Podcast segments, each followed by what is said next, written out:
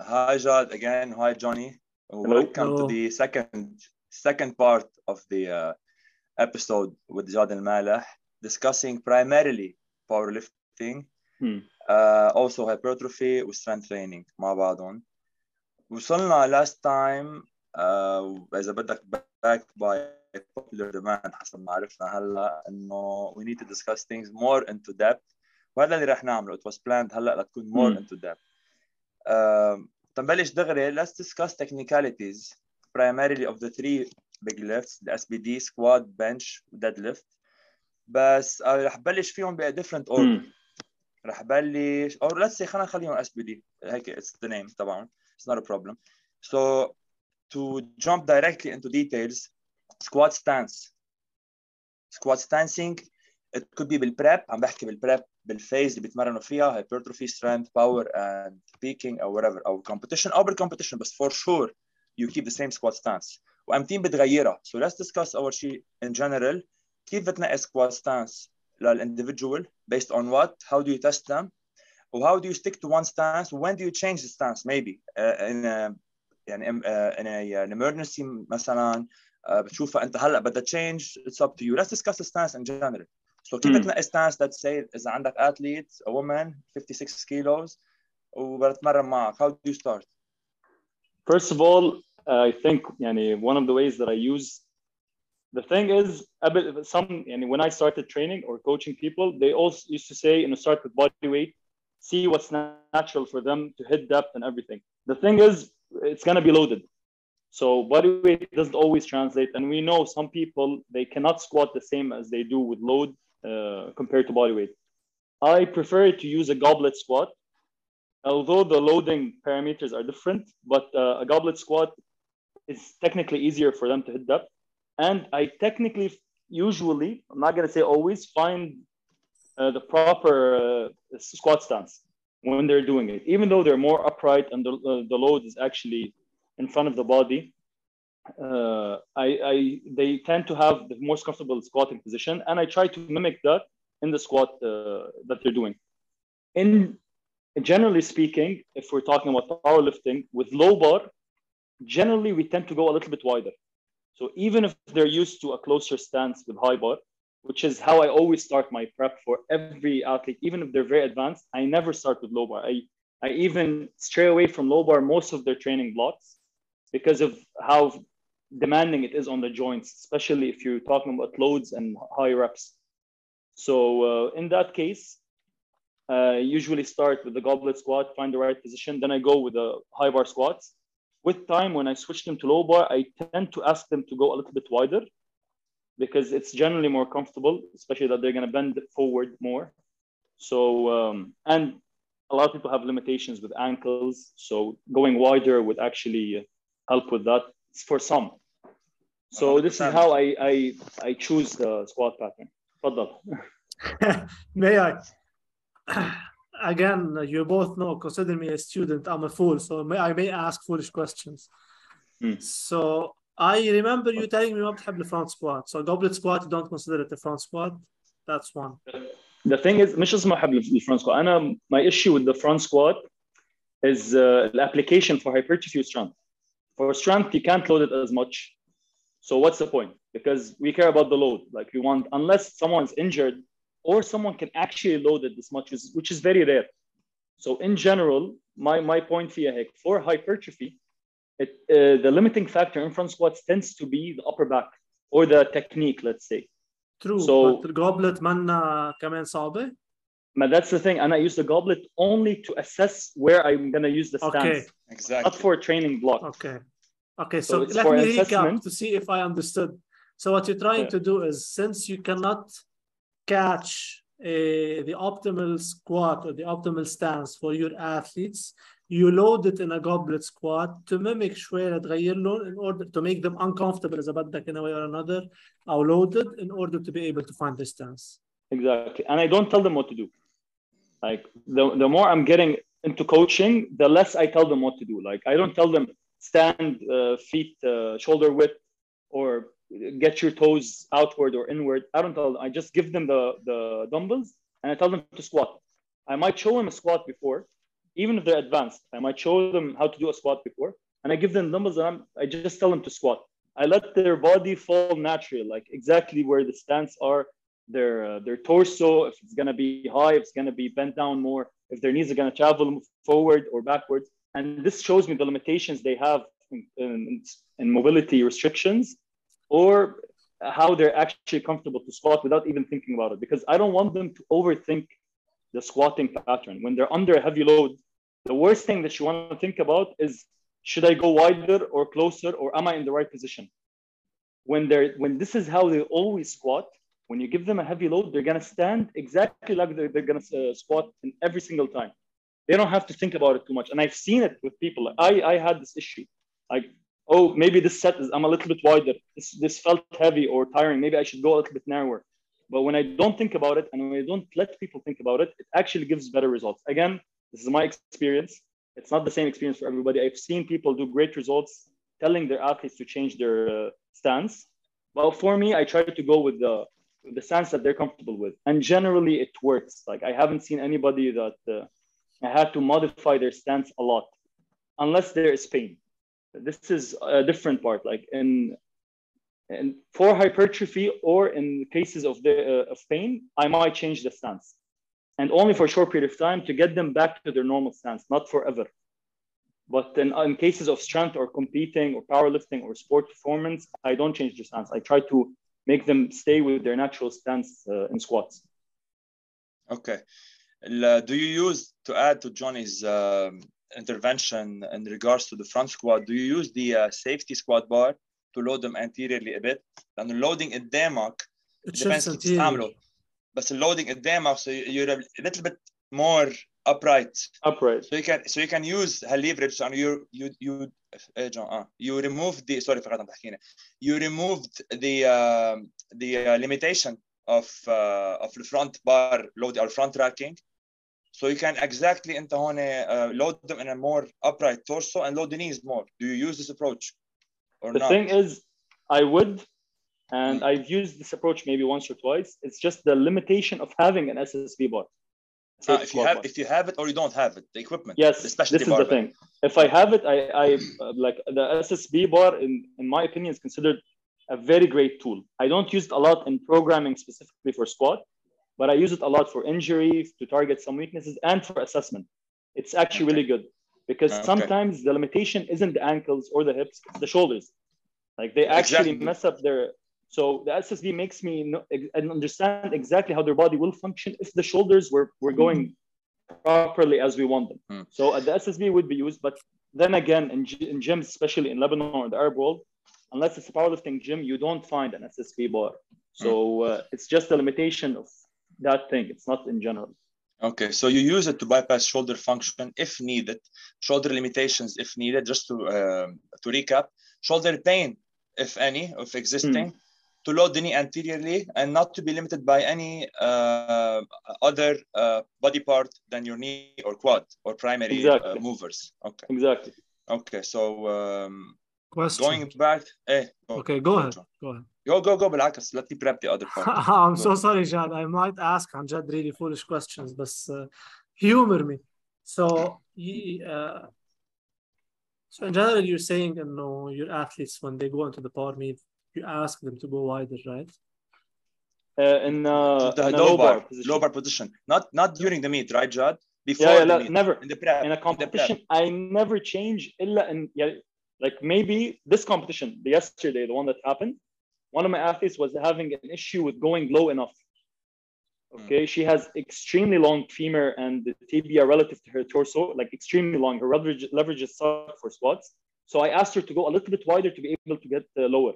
But this is only in this certain case where I actually change in competition. But in competition, I try to limit as much as I can any changes in technique Okay. even if we if I think it's gonna be helpful, even though because in all the times I've seen it, it wasn't helpful. because they need to replicate so what I- you what you I coach them for. misheard you. Then I Exactly. misheard. I thought in Mm. the meets, in the meets, you asked them to go wider. La, la, la. So okay, so that's one. Two, uh, both of you correct me if I'm wrong. So we know when it comes to the hip anatomy, you have people who are to have the full more range of motion when they're narrower in a narrower stance than in a wider. do you have some of athletes like that? Or in generally like in most the most people that you have or the most athletes that you have in general they feel better? Like for me an example if i go wider i cannot go down. It's impossible for me to go down. I go and hip with my right external rotation of the toes or like toes out i can like i can go uh, ass to grass that's me عرفت but in, in general I see people going wide so do you see some people going narrower stance uh, honestly generally what I see with other coaches and the athletes, they tend to use wider. I don't know what kind of luck I get, but most of my athletes actually are better going a little bit narrower. Like if you check the competition or if you check my way of squatting or my brother or the people that are close to me, they generally have a very narrow squatting position and a very narrow deadlift if they're going uh, for conventional. So uh, this is why I don't I don't specifically enjoy or actually prefer giving them a wider stance because I have seen people perform great with the narrow stance, even with uh, ankle um, restrictions. Because we always think if, if we're going to go narrower, we need a lot more ankle uh, mobility so that knees can travel forward so we can uh, fix the center of mass. But I haven't seen that as a limitation, especially with people that use a, a narrow stance, even with big guys. I have a couple of tall athletes. Like usually, tall athletes, it's very difficult for them to hit depth, especially if they don't have great ankle mobility. But then again, I, I found it extremely helpful for them to go a little bit narrower than normal. Uh, I am against for 99% of the population, especially for powerlifters, to go extremely wide. Okay, because of the sheer force it has on the hips, and because it actually can uh, exacerbate the, the um, shift. So you know, your your hips shift every human has a, a, certain degree of hip shift. Side to side, you mean? Side to side. Exactly. So for athletes that are loading extremely heavy and using a very wide stance, I've seen this shift being uh, extremely pronounced. Like you can you can see the huge difference and they can feel the difference. It's very hard for them to stabilize. So I'd rather most athletes, if we're talking about a non-equipped, so you know the difference between equipped powerlifting and uh, raw powerlifting. Equip powerlifting, they tend to. Uh, I know. Equip powerlifting, like one minute. Explain it to me. So let's specify it they use, the podcast. Let's uh, specify it also. True. Uh, equip powerlifting when they, when you use single ply or multiply suits. Single okay. ply or multiply. So um, the suits that they use, it actually helps them in the weakest position. Technically, the weakest position. That's what they say. But uh, in the weakest position in the squat and bench, which is the bottom position in the bench or the bottom position in the squat. So what they do is they try to find ways to make the suit help them as much as possible. So when you wear a suit, it's going to be extremely tight on your, uh, let's say a squat suit. It's going to be extremely tight on your hips. Okay, it's going to be, if, if it's a tight suit, it's going to be almost impossible to be able to do a body weight squat, okay, without weight. Like you, you need you need actual weight to press you because it's the tight the suit's so tight. I'm not sure exactly the material they use because different companies do, use different material. So what they do is they try to open their legs as wide as possible to be able Leverage. to stretch the suit as much as possible. Hmm. This is why most uh, uh, length pullers, relationship using the suit. Exactly. Leverage the suit. To leverage the they suit. leverage the suit, and the same with bench. And this is what translated at first to raw lifting because of the West Side. So people thought they can do what West Side are doing with equipped lifting to raw lifting. This is why we got very wide bench and very wide sumo stance and very wide uh, squat stance, even though it doesn't work with everybody. And in my in my personal experience, it I don't actually see it working for everybody. This is why for my females or males that I train, I rarely give them a very big arch, and I rarely give them a very wide grip on bench. In squats, the same thing. Because okay we want to limit the range of motion as much as possible but at the same time we need to play with our strengths. If your quads are super strong and you're opening your legs as much as you can you're not going to be able to use your quads efficiently. If your triceps super strong your pecs are super strong but you're going extra wide you're not going to be able to use use them to produce the force that we want.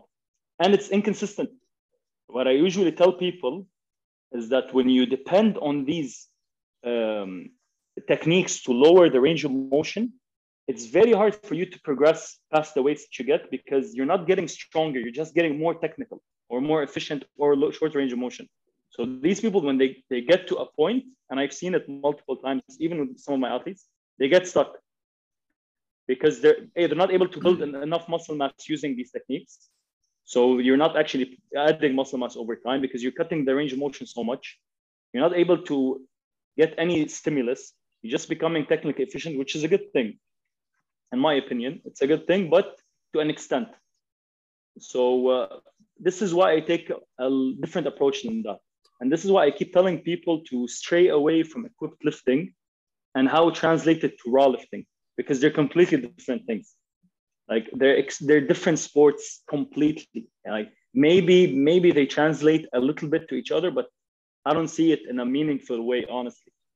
So uh, I guess this is uh, this is my approach when it comes to that. Yeah, go go بس بس I know بدي أبلش Jad, I, I, Jam, I know you have many questions. ما بدي to take your No, your go time. ما بأثر. Okay, Go, I'm go, gonna go. push back Jad على شغلة قلتها uh, when it comes to the range of motion. I agree completely, right? Biomechanically انت عم بت- uh, and physics إذا بدك انت عم بتخفف range of motion يعني you're limiting the work done so you can load a bit more, right? True. ويور عم بتخفف range of motion بس with this way when you خفف range of motion you will handle more weight that's one if you progress with this weight during with that range of motion four reps uh, for several reps or whichever you will not gain or you will not progress compared ل اذا كنت عم تاخذ full range of motion I understand muscle fibers if you go through the full range of motion they adapt in a different manner so you need in a way for hypertrophy wise you need to go through the all the range of motion لانه شو اسمها segmental segmental hypertrophy I don't know what's the word اذا بدنا نستعملها بس بس I mean if you're going through the range of motion that you will be using in the contest in the prep and the meet you will not be able to get stronger and progress in that if you do it and you load it and you load it and you progress uh, You're gonna be able to, and I've seen, yeah, I've seen people getting stronger with it, but um, the limiting factor is always gonna be your muscle mass. You're gonna be able to build muscle mass spe- specific for that range of motion, which we all know. Like even if you're not going through full range of motion, you're gonna build muscle mass if you're loading it enough. It's not gonna you're you're it's not gonna be through the full range. You're not gonna get stronger through the full range of motion. Yes, but to some degree you'll get stronger with that. I agree with that uh, point. But this is not what we see in real life application. Like it makes sense in our minds that we can get stronger in that range of motion. We, we become very efficient. It's a very short range. We can load it more. But for some reason, it doesn't translate. It always it gets them to, to get stuck in that point. I, I honestly theorize. Like I can't know for a fact exactly why this happens. We don't have studies specifically for that. I theorize that the limiting factor is usually muscle mass because these people aren't as built as the others that you see lifting uh, as much weight or even more. And these people are rarely the strongest. So if we if we go by yes, the, the range of motion is shorter, they're progressing and handling heavier loads, then technically or at least logically, that means they're going to be able to lift more, or at least more than everybody else. But they don't in practice in real life. Exactly. We don't see, we rarely see record holders arching insanely or using a very wide grip. We rarely see record holders that are trying to cut down their squats. We rarely see record holders that are trying to limit the range of motion as much as possible. If anything, right now, a couple of record holders, they're using high bar squats, which was like something extremely difficult to do, especially if you're gonna load extremely heavy. And uh, they're using uh, close grip bench, and we see that a lot more often than we see the other thing. So, so yeah, that's the thing. Like I agree with you logically and theoretically, it makes sense. But in real life application, this is not working. My theory is muscle mass, but I might be wrong. I'm most probably wrong. At least I try to find ways to focus on what we can ap- apply in real in real world. So I hope I answered your question. It's not it's not a clear answer. Last interjection, Jad, you, you have all the all the space. سبا Uh, I need to for- add بس على اللي قاله شغله صغيره Okay. uh, لك جون كمان I think انه not that they wouldn't adapt the let's call them the lower range of motion group versus the uh, bigger range of motion group it's not that they would uh, not adapt they would just adapt less because of their regional hypertrophy or regional muscle mass Hmm. and why have less when you can have more هذا اللي Hmm. عم بجرب اقول لك انه why have less muscle mass when you can have more why have less less RM strength when you can have more and then apply it يعني لو لو بيتمرنوا full range and then maybe I think maybe correct me Jad if I'm wrong and then maybe they would switch بس بالcomp او بالpeak او phase or whatever بالpreparatory phase to the less range of motion I think they would do better than just sticking the high range of motion I, I agree fully. I've, I've seen this in practice and I do that. Like in in uh, in practice, all the people that arch, I don't have very big arch uh, athlete athletes that arch as much or use a very wide uh, grip, but I do have some. Uh, most of their blocks are close grip with low arch. I program low arch bench or Larsen uh, press, so they, so so physically it limits their arch, and I actually see transfer to their normal stance. Even with sumo pullers, I make them train conventional or a slightly uh, closer stance, and then I actually uh, switch them to a wider stance so they can benefit from that. I've seen this work in application, and I use this method, but I haven't yet seen someone just sticking to one, which is the let's say the uh, shorter range of motion group, and actually benefiting with it for a long period of time. They they have to work on their limitations. What are the limitations? I can't exactly pinpoint, but at least it works. So we go with what works Two very quick interjections بس بخبرية البنش I think هلا new rules فيها when we get to the to the bench جاد you, you can talk about it انه حتى هلا صار very short range of motion ما راح يقطع it's gonna get uh, like they're gonna fail the second one about the regional hypertrophy segmental هلا I said segmental my bad uh, it's, it's not it only is segmentally it uh, is segmental it's, it's, it's not only because of uh, uh, both of you correct me right it might be an overstatement but uh, when it comes to injury. So we know in case like someone is doing dumbbell presses or dumbbell bench press whichever the case may be they go for like 30 kilograms they go all the way up and down up and down they get stronger and then or actually uh, the opposite. So they go half range and then they think they're stronger and then they load the 35 or the 40 and then they would try to go all the way down and then they fail. Or sometimes you, you see the pec tear right or tendon tear in this لأنه in general they got stronger in this regional range of motion or this limited range of motion and then they load more but they go all the way down maybe the tendons or the muscles cannot handle it and they may increase the risk of injury ما عم بقول Mm. they will increase I'm just giving an example of why it might be better to train at the functional full functional range of motion of the muscle and the I think I, And- I think what you're saying is completely true, and I and I use this way. So even if someone's very strong in a certain range of motion, I do train that range of motion because this is what I care about if the goal is performance. But for injury prevention, let's say, or uh, injury risk reduction, I do try to make them go through full range of motion because at the end of the day, you don't know what happens at any moment, and being uh, and having your tissue exposed to full range of motion, even if it's not the same way, will will give you at least some support for later for the joint for the muscle from these stairs. So I do always include something for people that cut down range of motion, something with a full range of motion, if not the whole year, just enough to have the, the tissue exposed to uh, the full range of motion. And I haven't seen any negative impact for that. So why why won't we? Like we know it will reduce the risk of injury because uh, sudden exposure to heavy weight, especially in range of motion that you're not used to or you can't stabilize, is probably going to increase the risk, risk of injury. So why not do this prehab way? Uh, this is at least my point. انا I'm done هلا لاخر السيشن ما راح لا, it's, it's, uh, it's a very good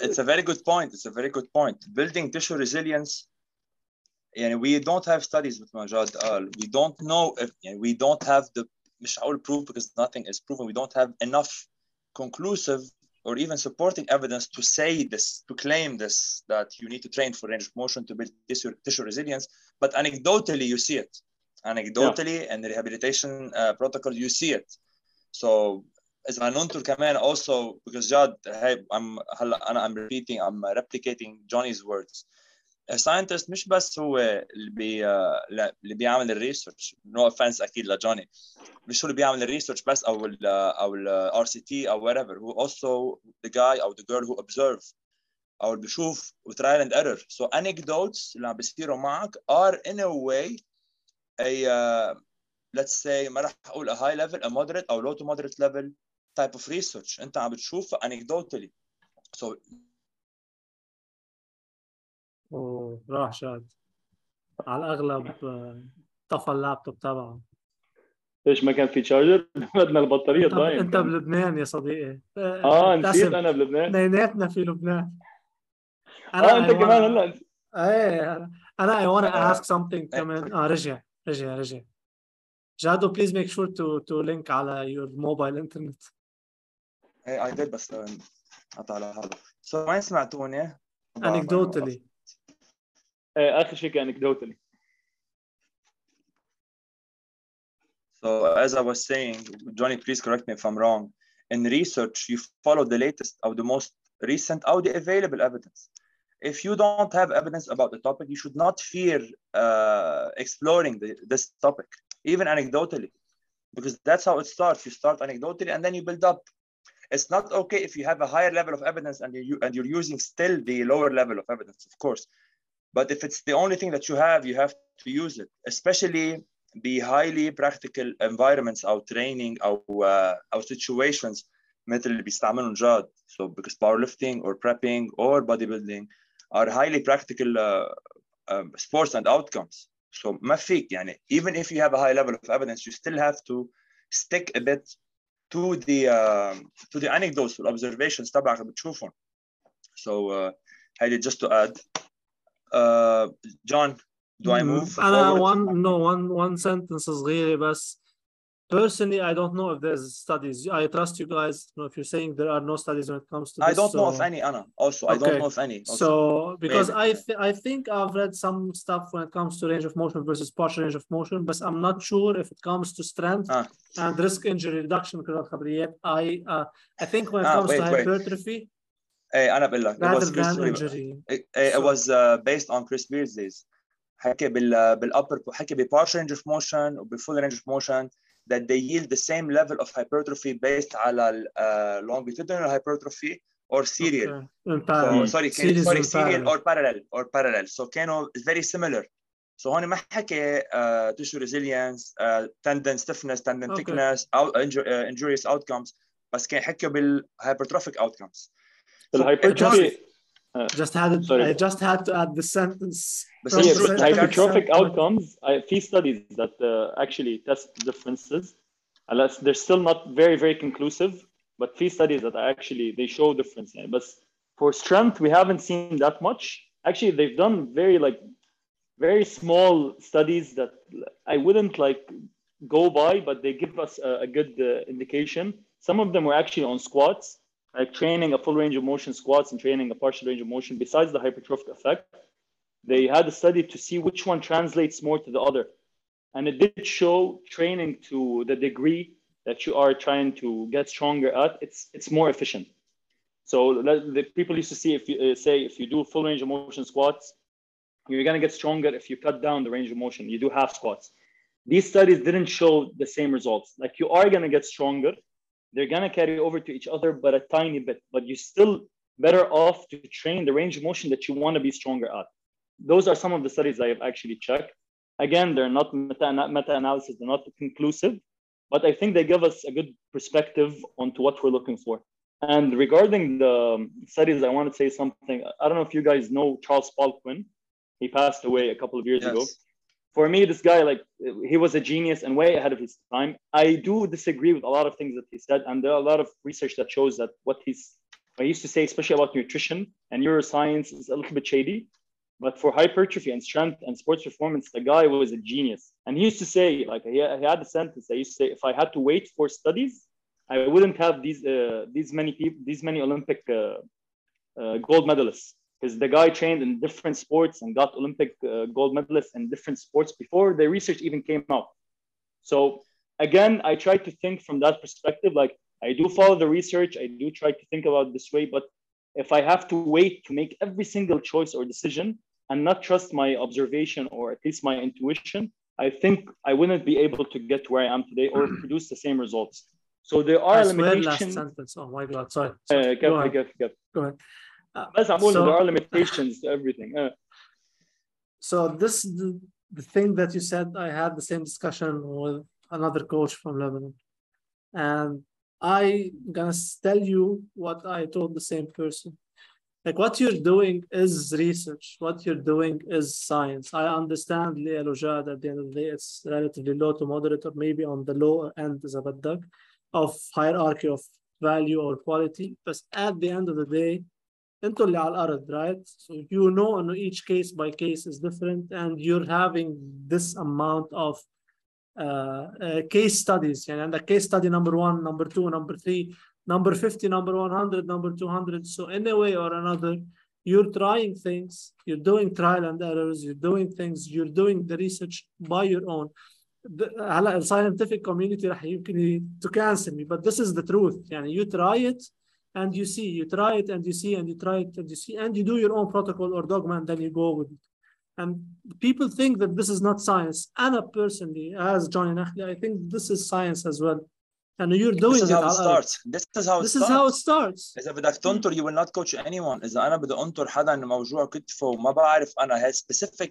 case but not the research إلها then I would not help anyone. And so يعني so wouldn't you يعني كمان. So عرفت؟ um, one point that I need to add, best for the researchers, uh, our research on the topic of hypertrophy versus uh, our, uh, in regards to partials versus uh, uh, full range of motion uh, contractions. البالكري شفته when I discussed Chris Beardsley's kind of very close results. However, killed data, the literature that I've seen supports the full range of motion. يعني the majority percentage if I hmm. am to skew data in one end to the other they ما راح اقول in a very aggressive way because في specificities بالmethod of research that are not met مثل ما نحن بدنا so مم. بيكونوا شوي مخلين confounding factors شوي او شوي انه ليه عملوا هيك ما بنفهم انه ليه ما حط ليه ما سكروا كل ال variables but I would agree انه most of the uh, bulk is towards uh, full range of motion I personally use full range of motion because of the simple notion that why would you want to be stronger in just this part but of the simple notion and if you Mm. want to add the unlimited range of motion uh, later on add it you have the whole package why have less when you can have more هيدي بس that I needed to add uh, جون اذا عندك شيء او بدي كمل شغله I أنا مع have جاد. بس انا ما بعرف قد ايه رح ياخذ معنا وقت ما uh, بأثر تخرج Again. يخلص وقت بنعيد القصص بقى consider Good. me as a, co- consider me as a fool again انا ما إلي فيها so you mentioned Mm. about high high squat high bar squats low bar squats right Hmm. I under, I understand the biomechanics of it I'm gonna state something please take it with a grain of salt I stumbled on one study but it's been like maybe 18 months ago so ماني مذكر شو هي الستدي بس مذكر one main thing انه when it came to weights or loads the high bar squat and the low bar squat ما كان في كتير فرق in the amount of weights lifted Hmm. that's one I understand again bold هيدي هيدي لا addendum. جاد it's a bold claim لا إيه إيه Uh, I- I- again عم لك if take you've it- been عم to لك- a powerlifting gym, they عم would لك all take it with a disagree grain of salt Anyway, okay that's so it. take it with a grain of salt I I don't think I remember incorrectly لأنه it was a shocker to me يعني لأن the, the shock بعدها مذكرة إنه ال difference I will try to find it maybe we can share it later on بس the and I understand L on the difference can like five to seven kilo kilograms. And addendum I understand in powerlifting meets because I'm different at nine kilo or 2.5 kilograms to place. So I also understand that. But please explain to me why is it better? Like why can't why is it like why most powerlifters or all the powerlifters I see in the meets they go in a low bar squat? Again, I'm a fool. Explain it. Yeah, teach me.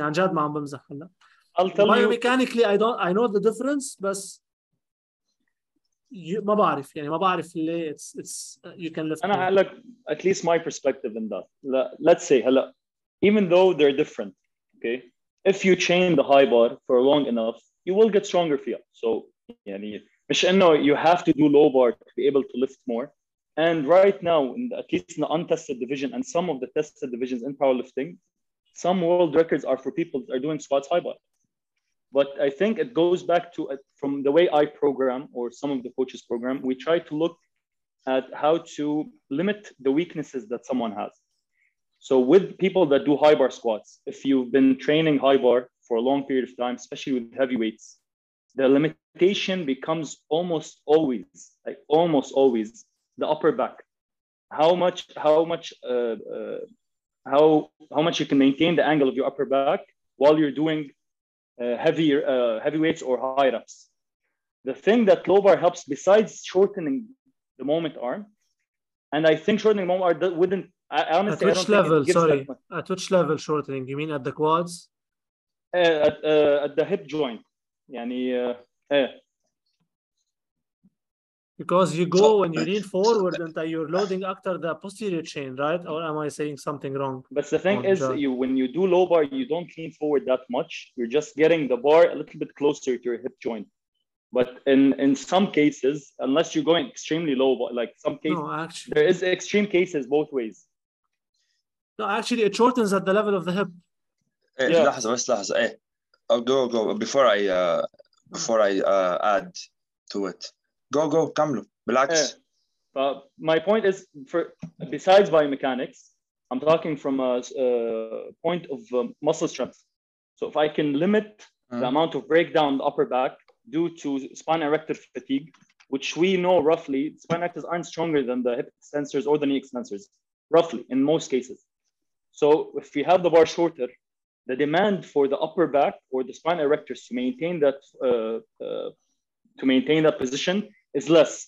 That means we can load the hips and the quads more, and we know they are, they are stronger. They will develop faster, they will be, become bigger, and they can tolerate more workload. So I think the best point of low bar is that it's less than a, a biomechanic perspective, and it's more of a muscle weakness perspective, or at least muscle limitation perspective, because you can get the uh, hips and uh, quads a little bit stronger faster.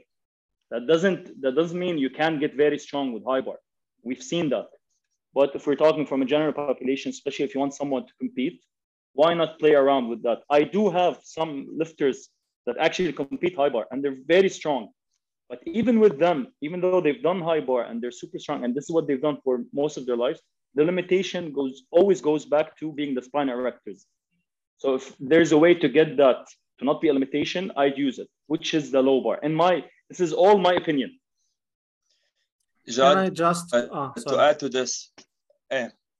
بس بدي to add I to this correct uh, my you, biomechanics and بس I remember this are, you, are you discussing hip hike Jad or the flexion of the spine at some point in the hyper uh, squat the flexion the of the spine so the, the flexion, flexion, of the spine, spine. the rounding yes. the rounding exactly okay. so just, uh, for your spine erectors to be able to be erect this is this takes a lot of uh, like it fatigues them a lot more just to be able to maintain the bar in a higher position, which is so you technically on your trust. You bypass it. You bypass it via the distance. So you just drop it below. The, uh, the, exactly, exactly, exactly. So, so this way, uh, I want to correct my biomechanics. Sorry, I take it. I take pride in biomechanics. So so the the the moment the moment you lower the bar, like the في lower bar at the number one, and you change the moment arm at the level of the erectors. So, sorry, uh, shorter moment arm. So you're loading them in a way, in a way less. Number two, you change the center of mass. You shifted it backwards, right, Jad?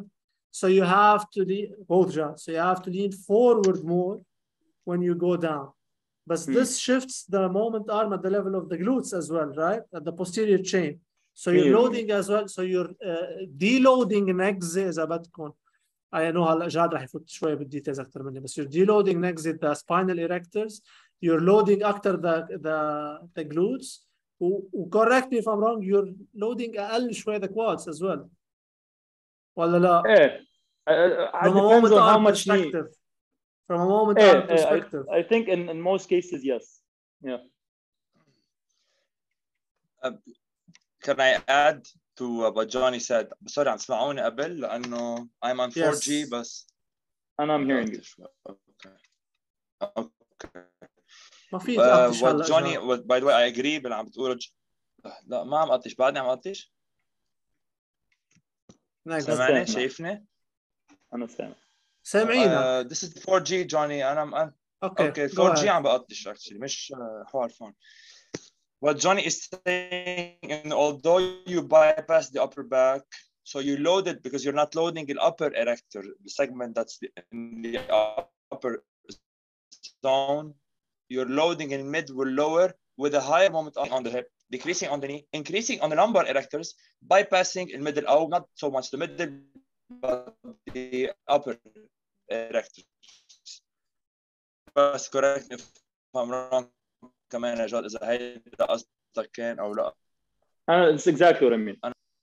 اوكي جاد أوكي. هلا عم بي عم بيقطش كثير اوكي هلا احسن أوكي. يو أنا؟ ثينك ايه هلا أنا؟ احسن اوكي ايه ايه مشي حالك اوكي اوكي Okay. اوكي اي Uh, هوب بس طيب. هاي- Co- Tell me why it's uh, ah okay. So you told me. Sorry, John. So it's because you're uh, bypassing the limiting factor, which is the flexion of the of the T spine under the Exactly. load, under higher loads. Mm. Okay, okay, okay.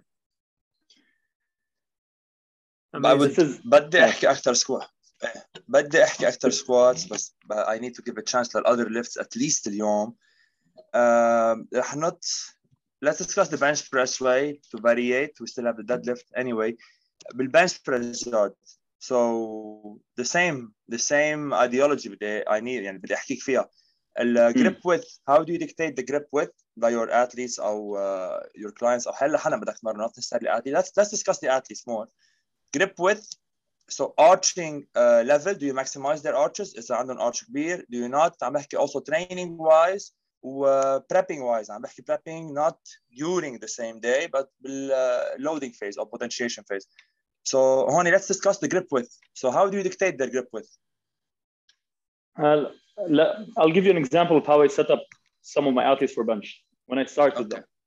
okay I care about having three things: who are thoracic extension, Mm-hmm.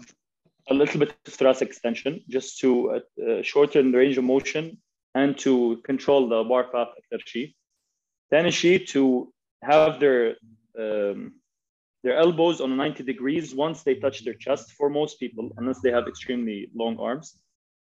Uh, and to have their foot a little bit back, enough for them to actually be able to produce some force on their quads, not because uh, this is an, also another debate, which is uh, leg drive and how much it affects the bench. And anyway, that's another thing where I think we can go back to.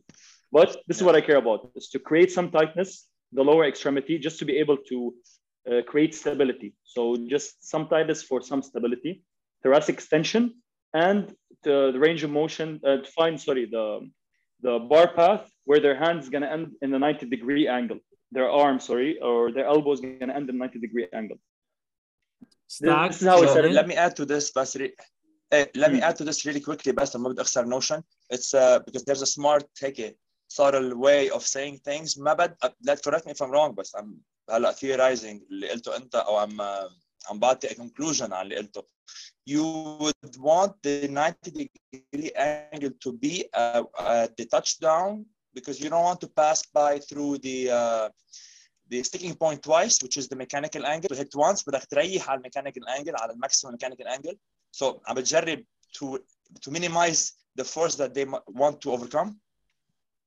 um, sorry قطع شوي فيك ترجع تعيد because uh, okay okay Uh, right. Sorry, I am on three, I am on 4G, Johnny. So قبل ما تبلش فيني I am on 4G. Uh, ma, I didn't say anything. مش مش من عندي هدول. جاد سؤالي كان uh, you would want the grip width to match the 90 degree angle upon touchdown on the chest because you want to minimize the turnover between the maximum mechanical angle بدك to reach the chest تيعملوا pause على ال highest moment arm على الهيومرس ولا بتكون على ال maximum moment arm أو ليه؟ ليه بدك right angle؟ هذا السؤال it's a smart way of saying things ما بدك تقطع بالديب رينج مرتين بالماكسيمم مومنت ارم مرتين بدك تبوز عليه I'm just guessing أنا شو رايك yes this this is exactly it I think this uh, for some cases this puts us puts, puts us in a better mechanical advantage position to use our chest our pecs to, when to we're bulge, going عم through- to, to press uh, to press. When we're going through that extra deep range of motion where we pass the 90 degree angle al elbow, the forces on our shoulder or anterior deltoid a little bit higher. Oh, yes, the pecs is still moving with the same amount of force through that range of motion, but the anterior deltoid is getting loaded a little bit more. Practically, what we've seen, and uh, it's a little bit better.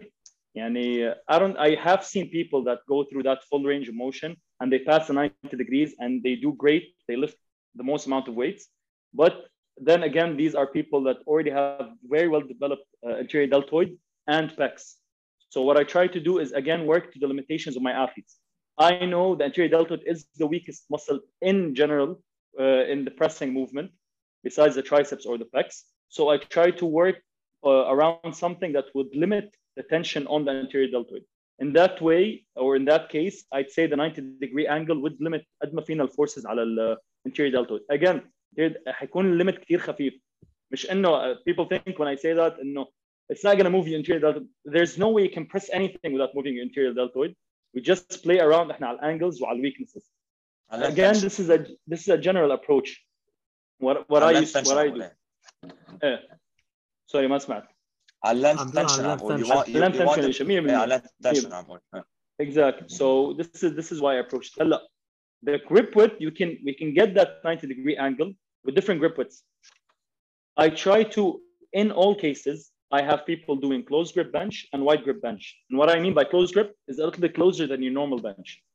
What I start with is the close grip bench. So I start with the grip a little bit wider than shoulder width with most cases.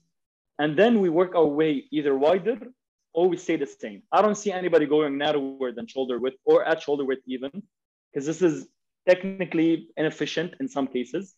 So, and the range of motion is just, uh, it's a lot longer range of motion. So we can't load it as much theoretically. I'm not uh, this is where I, I start with the closer grip he is shoulders uh, shoulder width a little bit out and then i start working my way out. in some cases i have very strong benchers that i didn't have to work my way uh, out after if i did the forces on the anterior deltoid either caused them pain or they couldn't progress as much. So we needed to revert back to the closer grip uh, position. But Anna, in my approach was, which is a little bit weird, with uh, not weird, a little bit unconventional. I start closer, then I build my way uh, wider. But in my opinion, or at least in my experience, I haven't seen much use of a very wide grip position unless someone is already adapted to it Like إذا اجاني athlete super adapted to a super wide grip ايه ما حقول له just get closer because this is what I want. يعني I try to take uh, a better approach. ايه انه I'm the close grip bench guy بدك تعمل close grip يا خيي ما بدي اعمل close بدك تعمل close grip مش هيك بس عم نحكي انا in some cases where people are intermediates uh, beginners I start with closer grip and then I build it. For hypertrophy I prefer a close grip. You, you, Question. need- you want to put them in the most uh, disadvantageous position. Go, John. I have a slight intervention uh, or a slight addition. It's not intervention at all. So the, In my addition, question the, is, the Alojad. Eh, go. so theoretically, correct me if I'm wrong, when you go into a, into a uh, closer bench grip, you're biasing more the the triceps.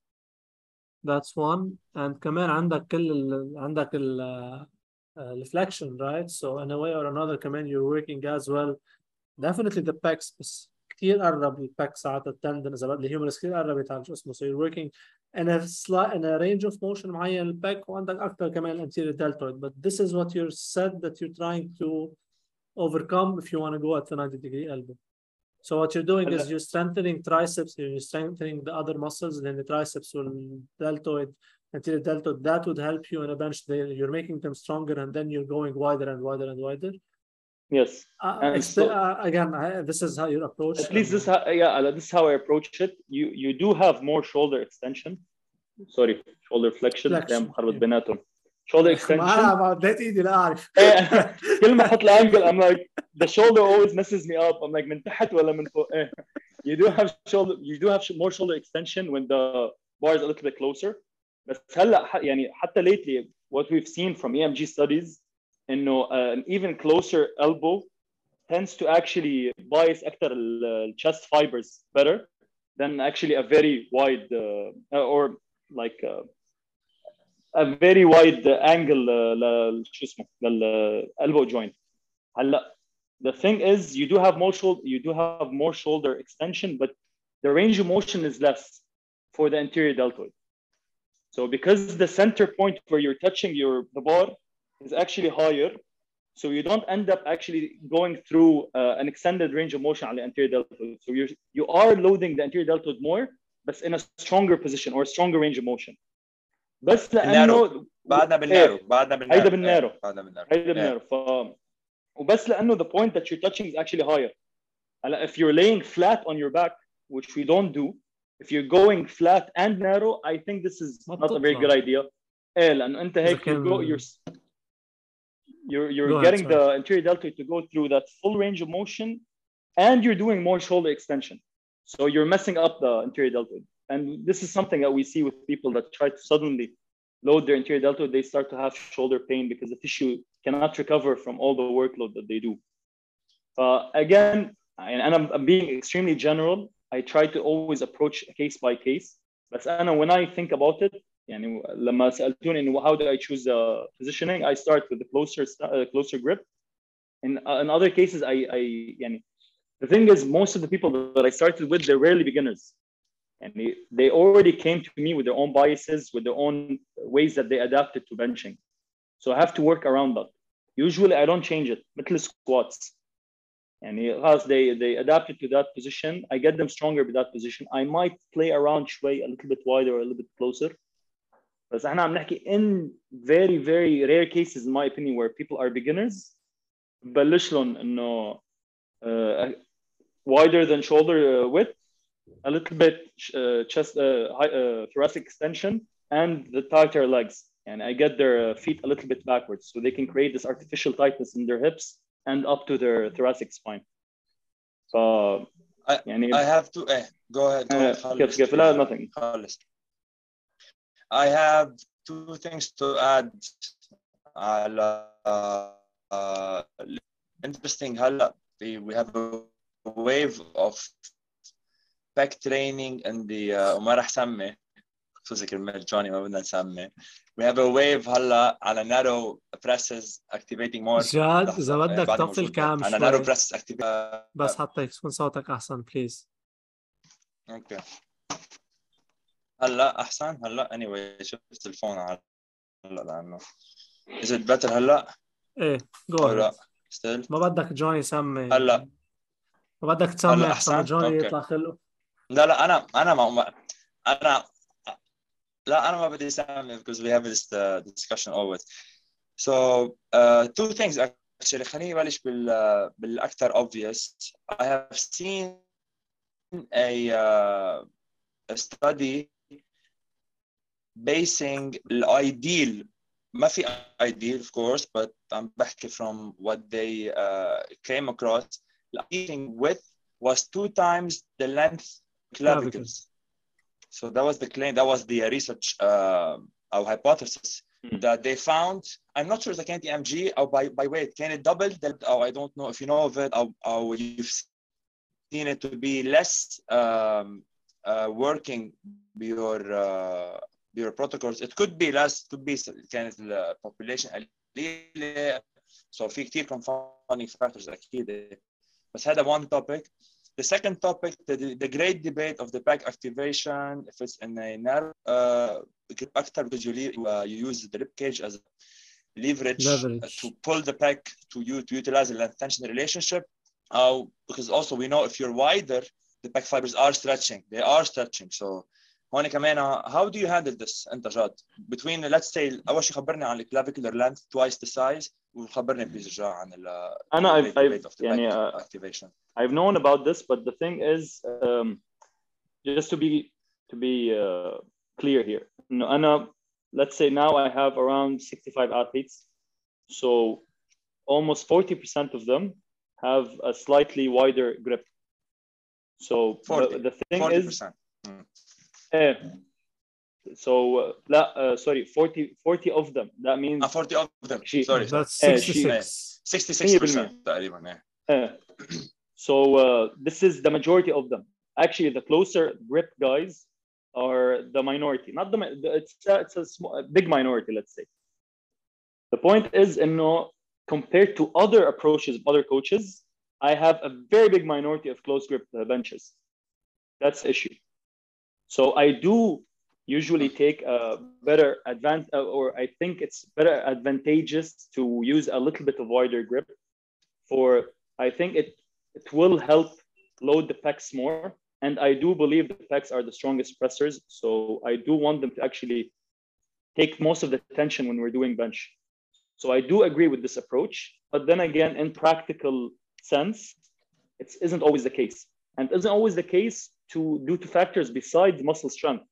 It's usually uh, slow adaptation to that range of motion or uh, inability for the tissue to handle load for extended period of time by the range of motion inability to create artificial tightness or what we like tension or tightness throughout the body in that range of motion. Like if someone uses a wider grip, sometimes they cannot create this upper back tightness or positioning to be able to efficiently press from.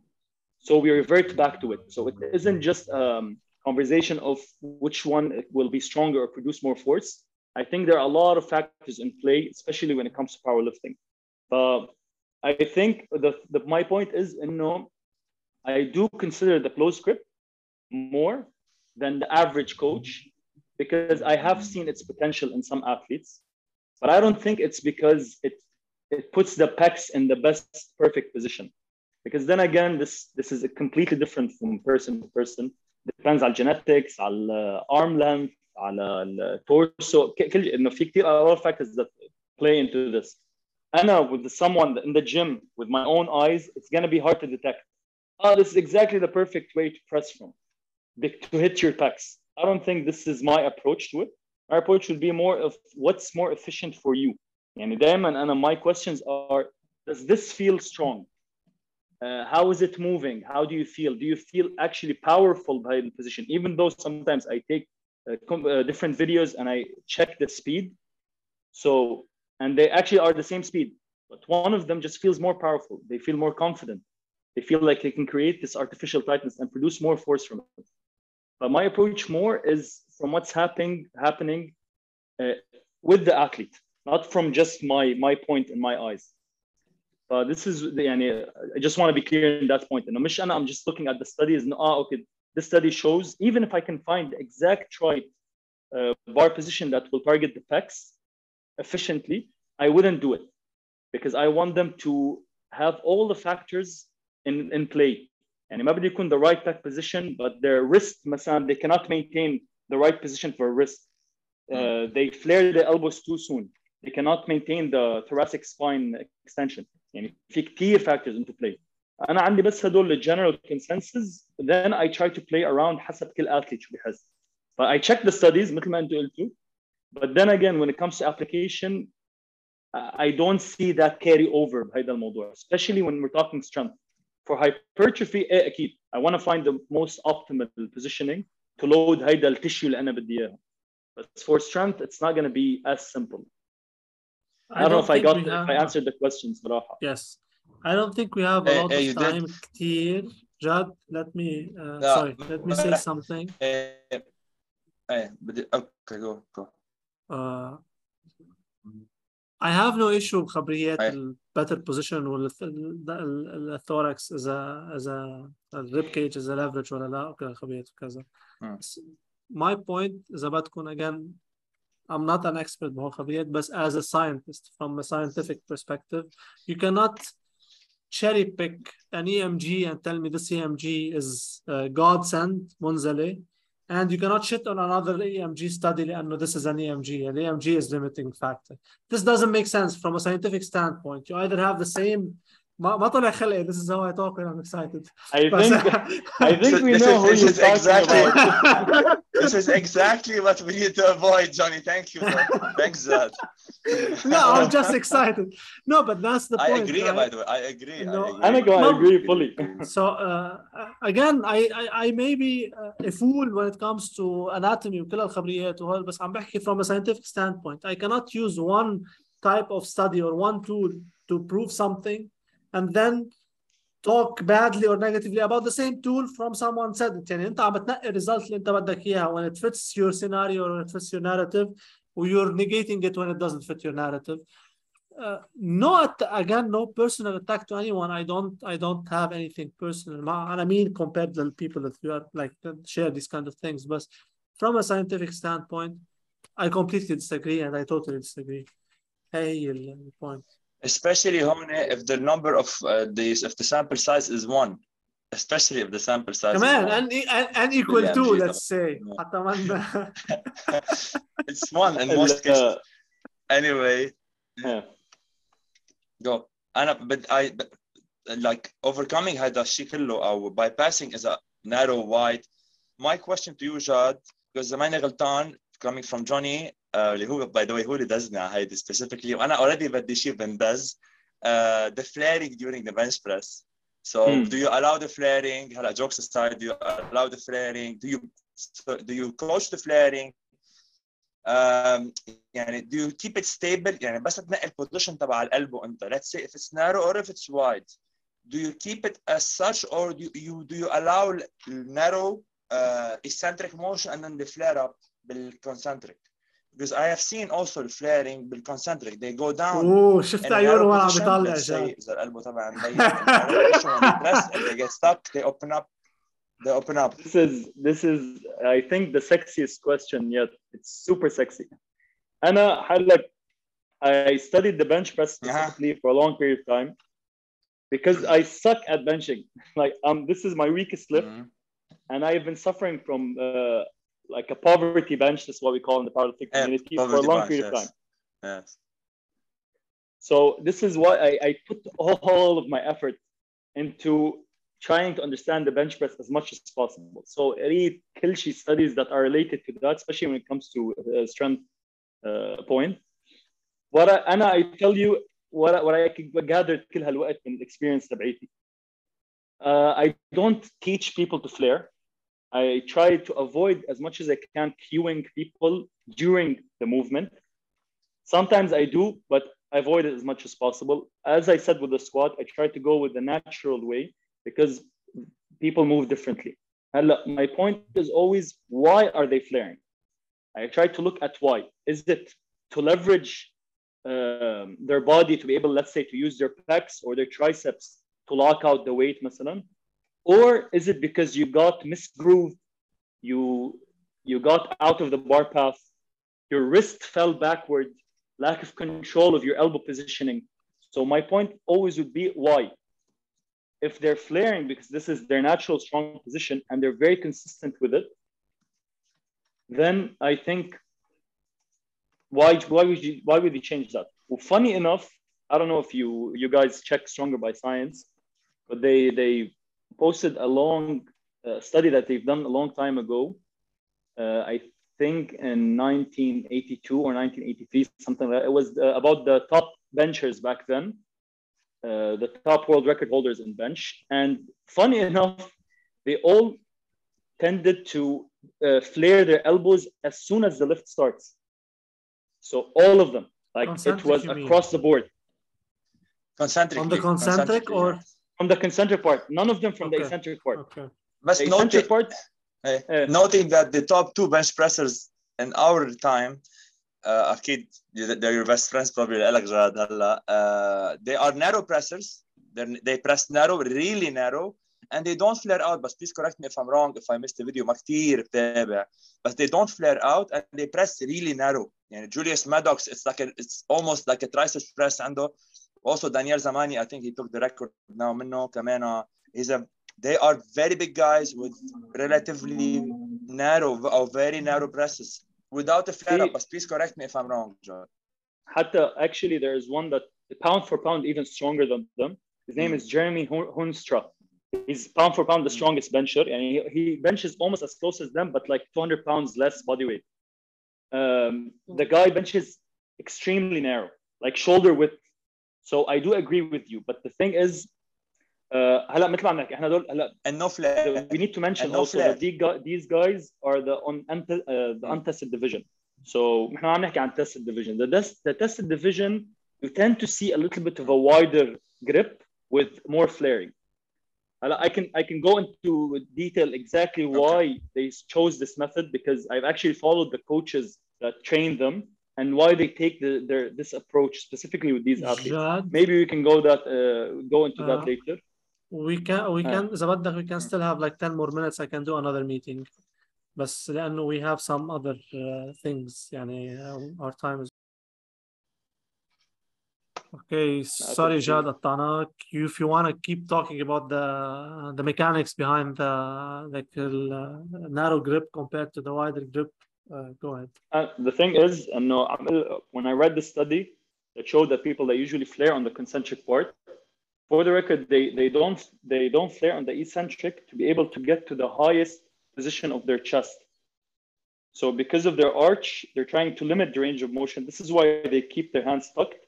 And the highest point, they try to touch the highest point, then they flare out. if the highest point was their pecs, they have like the biggest pecs in the world. I'm sure they're gonna touch a little bit higher to keep the bar path straight because we know that this is the, So, the so shortest. they would so they would go down uh, without being narrow. They would use the same path without flaring if they have the biggest specs. if and we do see that Yeah. like uh, the thing is there are some people with shorter arms and insanely big pecs that actually touch their chest a little bit higher when they're pressing and they have very very big benches some one of them is jeremy Hoornstra that, that i'm telling you about the thing is that we're forgetting also uh, the size of the humans that we're talking about like uh, julius maddox uh, or the insane athletes from iran i always forget his name Uh, they're, they're actually big people like the their their shoulder Daniel width Daniel Zamani. yes Man. danielle uh, their their shoulder width is just insane so we might perceive it as wide but this is literally the maximum uh, legal bench they can do so um, i don't know if you guys know josh bryant or jailhouse strong he's the guy that trains julius maddox أنا I'm out of the field Jad might know. anyway, this guy in, in the bench community, uh, in the sorry, in the powerlifting community, he's considered one of the top of the top coaches. He was the first guy to bench 600 pounds at 21 years old, and he trains the top benches بالعالم.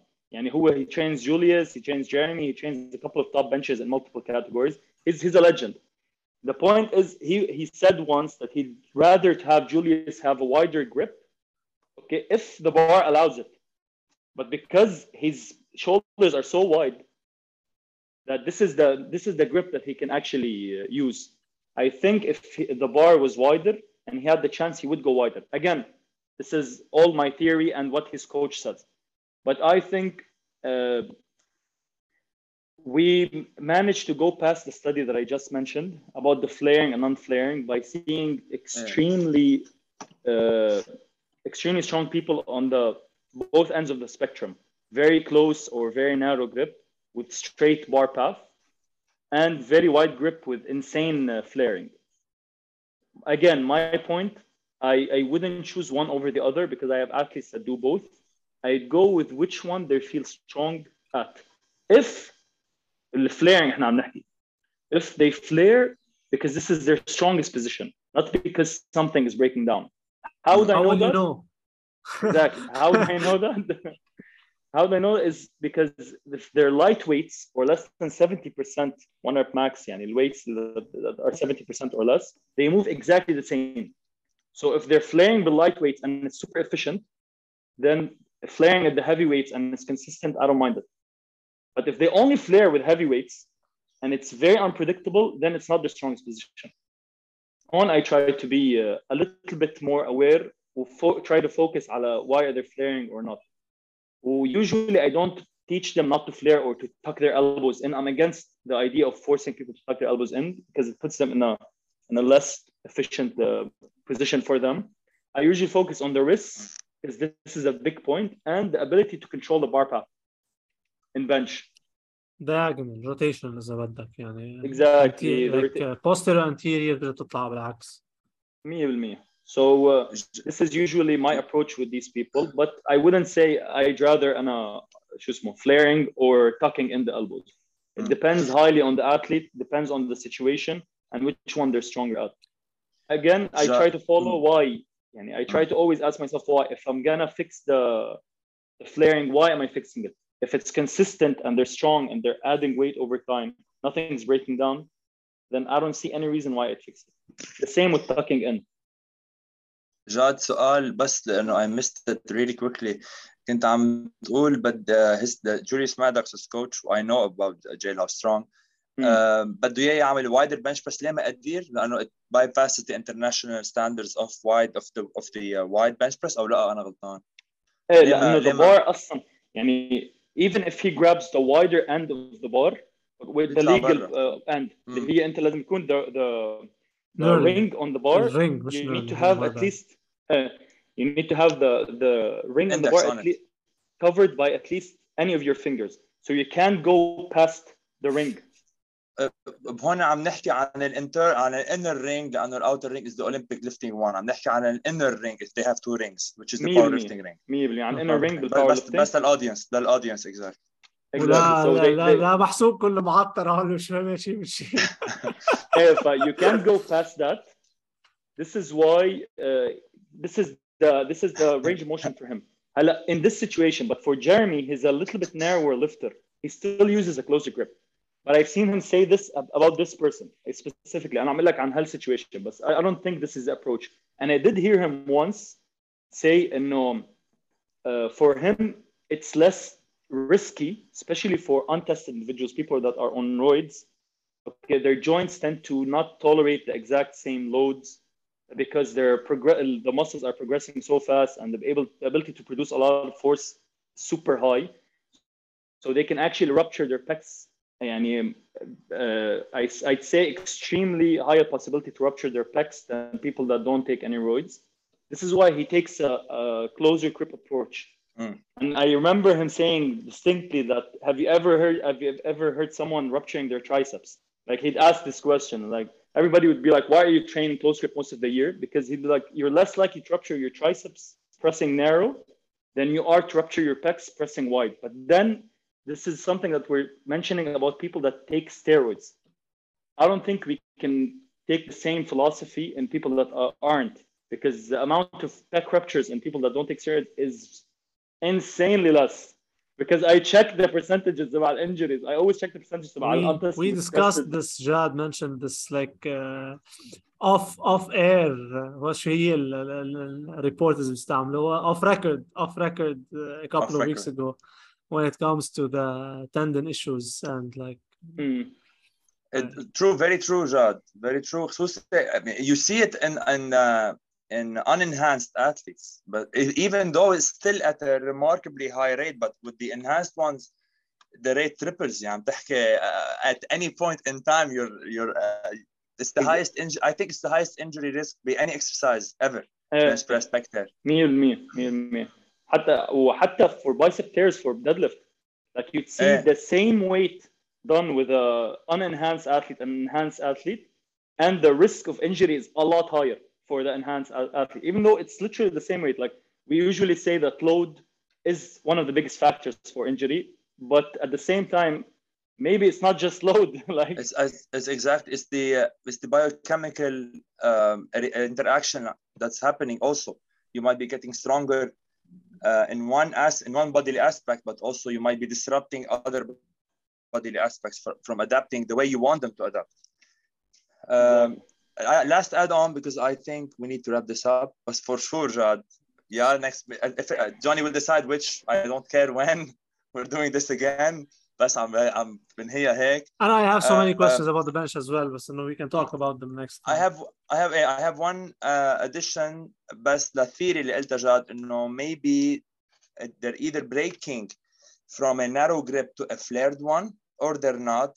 I would say أنا because I've seen it also بس it, it, it doesn't nullify anything انت قلته بالعكس بس I would add to something also انه maybe they are maybe you don't see them flare at the 70% weight but when they really need their strongest position they they are like calling it out or they're going towards it يعني اللي عم جرب اقوله مش ضروري تكون a, uh, a break in the technique if you're flaring only at the heavy load it could be a call for help when you really need it and you're very very stressed you're not very aware of it maybe عندك control at 70% انت you don't need هال extra you're not seeking ال- ال maximum strength I'm just بس هلا عم بدي رأيك when I'm تخبرني adding اياها it. هذه جاد انا انا I agree I heavily agree with this by the way It could be عم اقول it could be ما عم it could be also a call for strength يعني you want the, be- the strongest position من حالك هلا because you're at risk لا لا انا That's I, it. I agree I agree fully بهذا الشيء حتى this is why I'm يعني I'm against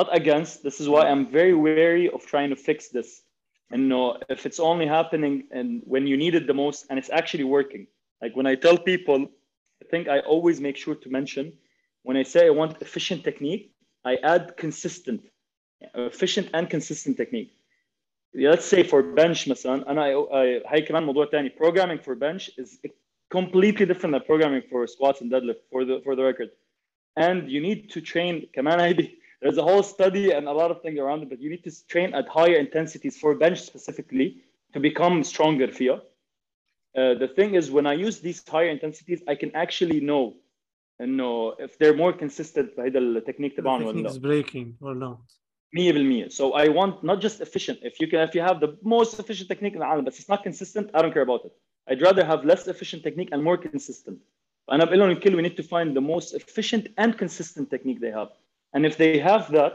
the flaring under heavy loads and it's helping them lock the bench when it's heavy every time and they're able to progress over time there's no pain no discomfort no nothing I'm not going to change it I'm going to continue and and this has been working for a while One really quick thing, Johnny, that I need to add, we can wrap this up. هو this is also based on how I see things on my observation, personal observation, personal anecdotes, trial and error, and everything. Uh, I see it also the flare, the flare up or flare out as a way to save energy or to use a muscle that's not very well fatigued. يعني شوفها eccentrically they get fried during this uh, movement pattern. Certain regions of the muscles, our muscles or whatever we we discussed or whatever that is active at this point in time is getting fried. When you flare, you're slightly or also statistically and clinically significantly changing her frying Muscle- mechanism. So wow, you have okay. more kick in you, maybe. لأنه نزلت, let's say نزلت 70% back, 30% triceps, it's a very wild percentage. طلعت, let's say 70% triceps, whatever, 30% back. So you're actually a little bit, you have more energy Perfect. efficiently. So هون عم بحكي شوي also from an energy perspective. I agree completely. This point يعني spot on لأنه you see that a lot with reps Come on. Yes, okay. exactly. They change it. Once, exactly. Once they're getting fatigued, you see them flare more and they shift their focus, which I tell people usually this is not strength related. It's literally your body shifting the fatigue to other muscles that aren't as much as fatigue. It's something I rarely see anybody talking about. Amazing point.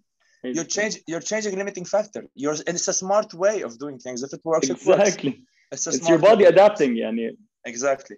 But, you- but in training, you don't want this because you would not be training what you want to train. So I understand your point. I really have to, I I don't want to wrap this up. I have to wrap this up. Jad, thank Okay. you. for today's Just one episode. second. Johnny, Let me let me wrap up. I'm gonna take a small video command. But let Okay. me put the the speakers. Okay. For sure, we're doing more episodes. ما بعرف قد ايه كم episode رح ياخذوا معنا. Wait a second. إيه، بدها واحدة طويلة هيدي ما Wait a حدا second, شيء. guys. بس Wait a بعد second. 4 hours, the 4 مية hours. بالمية. هيدي. Wait a mm-hmm. sec. So basically, we just finished the second uh, part of uh, Information Podcast with Jamal, episode four. We only discussed the Jamea squats barely and bench almost barely. Next time, we will be having uh, deadlift, bikes or hikes, and the squat. I have so many questions about the bench as well technique we're talking about the technique and the uh, other important part اللي هو جاد تذكرنا عن البريب الورم اب البريب بالبيكينج the peak phase and the, in the room I want to know the dirty details in the back room from Jad. I want to know his dirty details. Miss miss any dirty details. You can find uh, details. I want to know Al Maleh details. Okay, Jad. Okay. Thank you so much.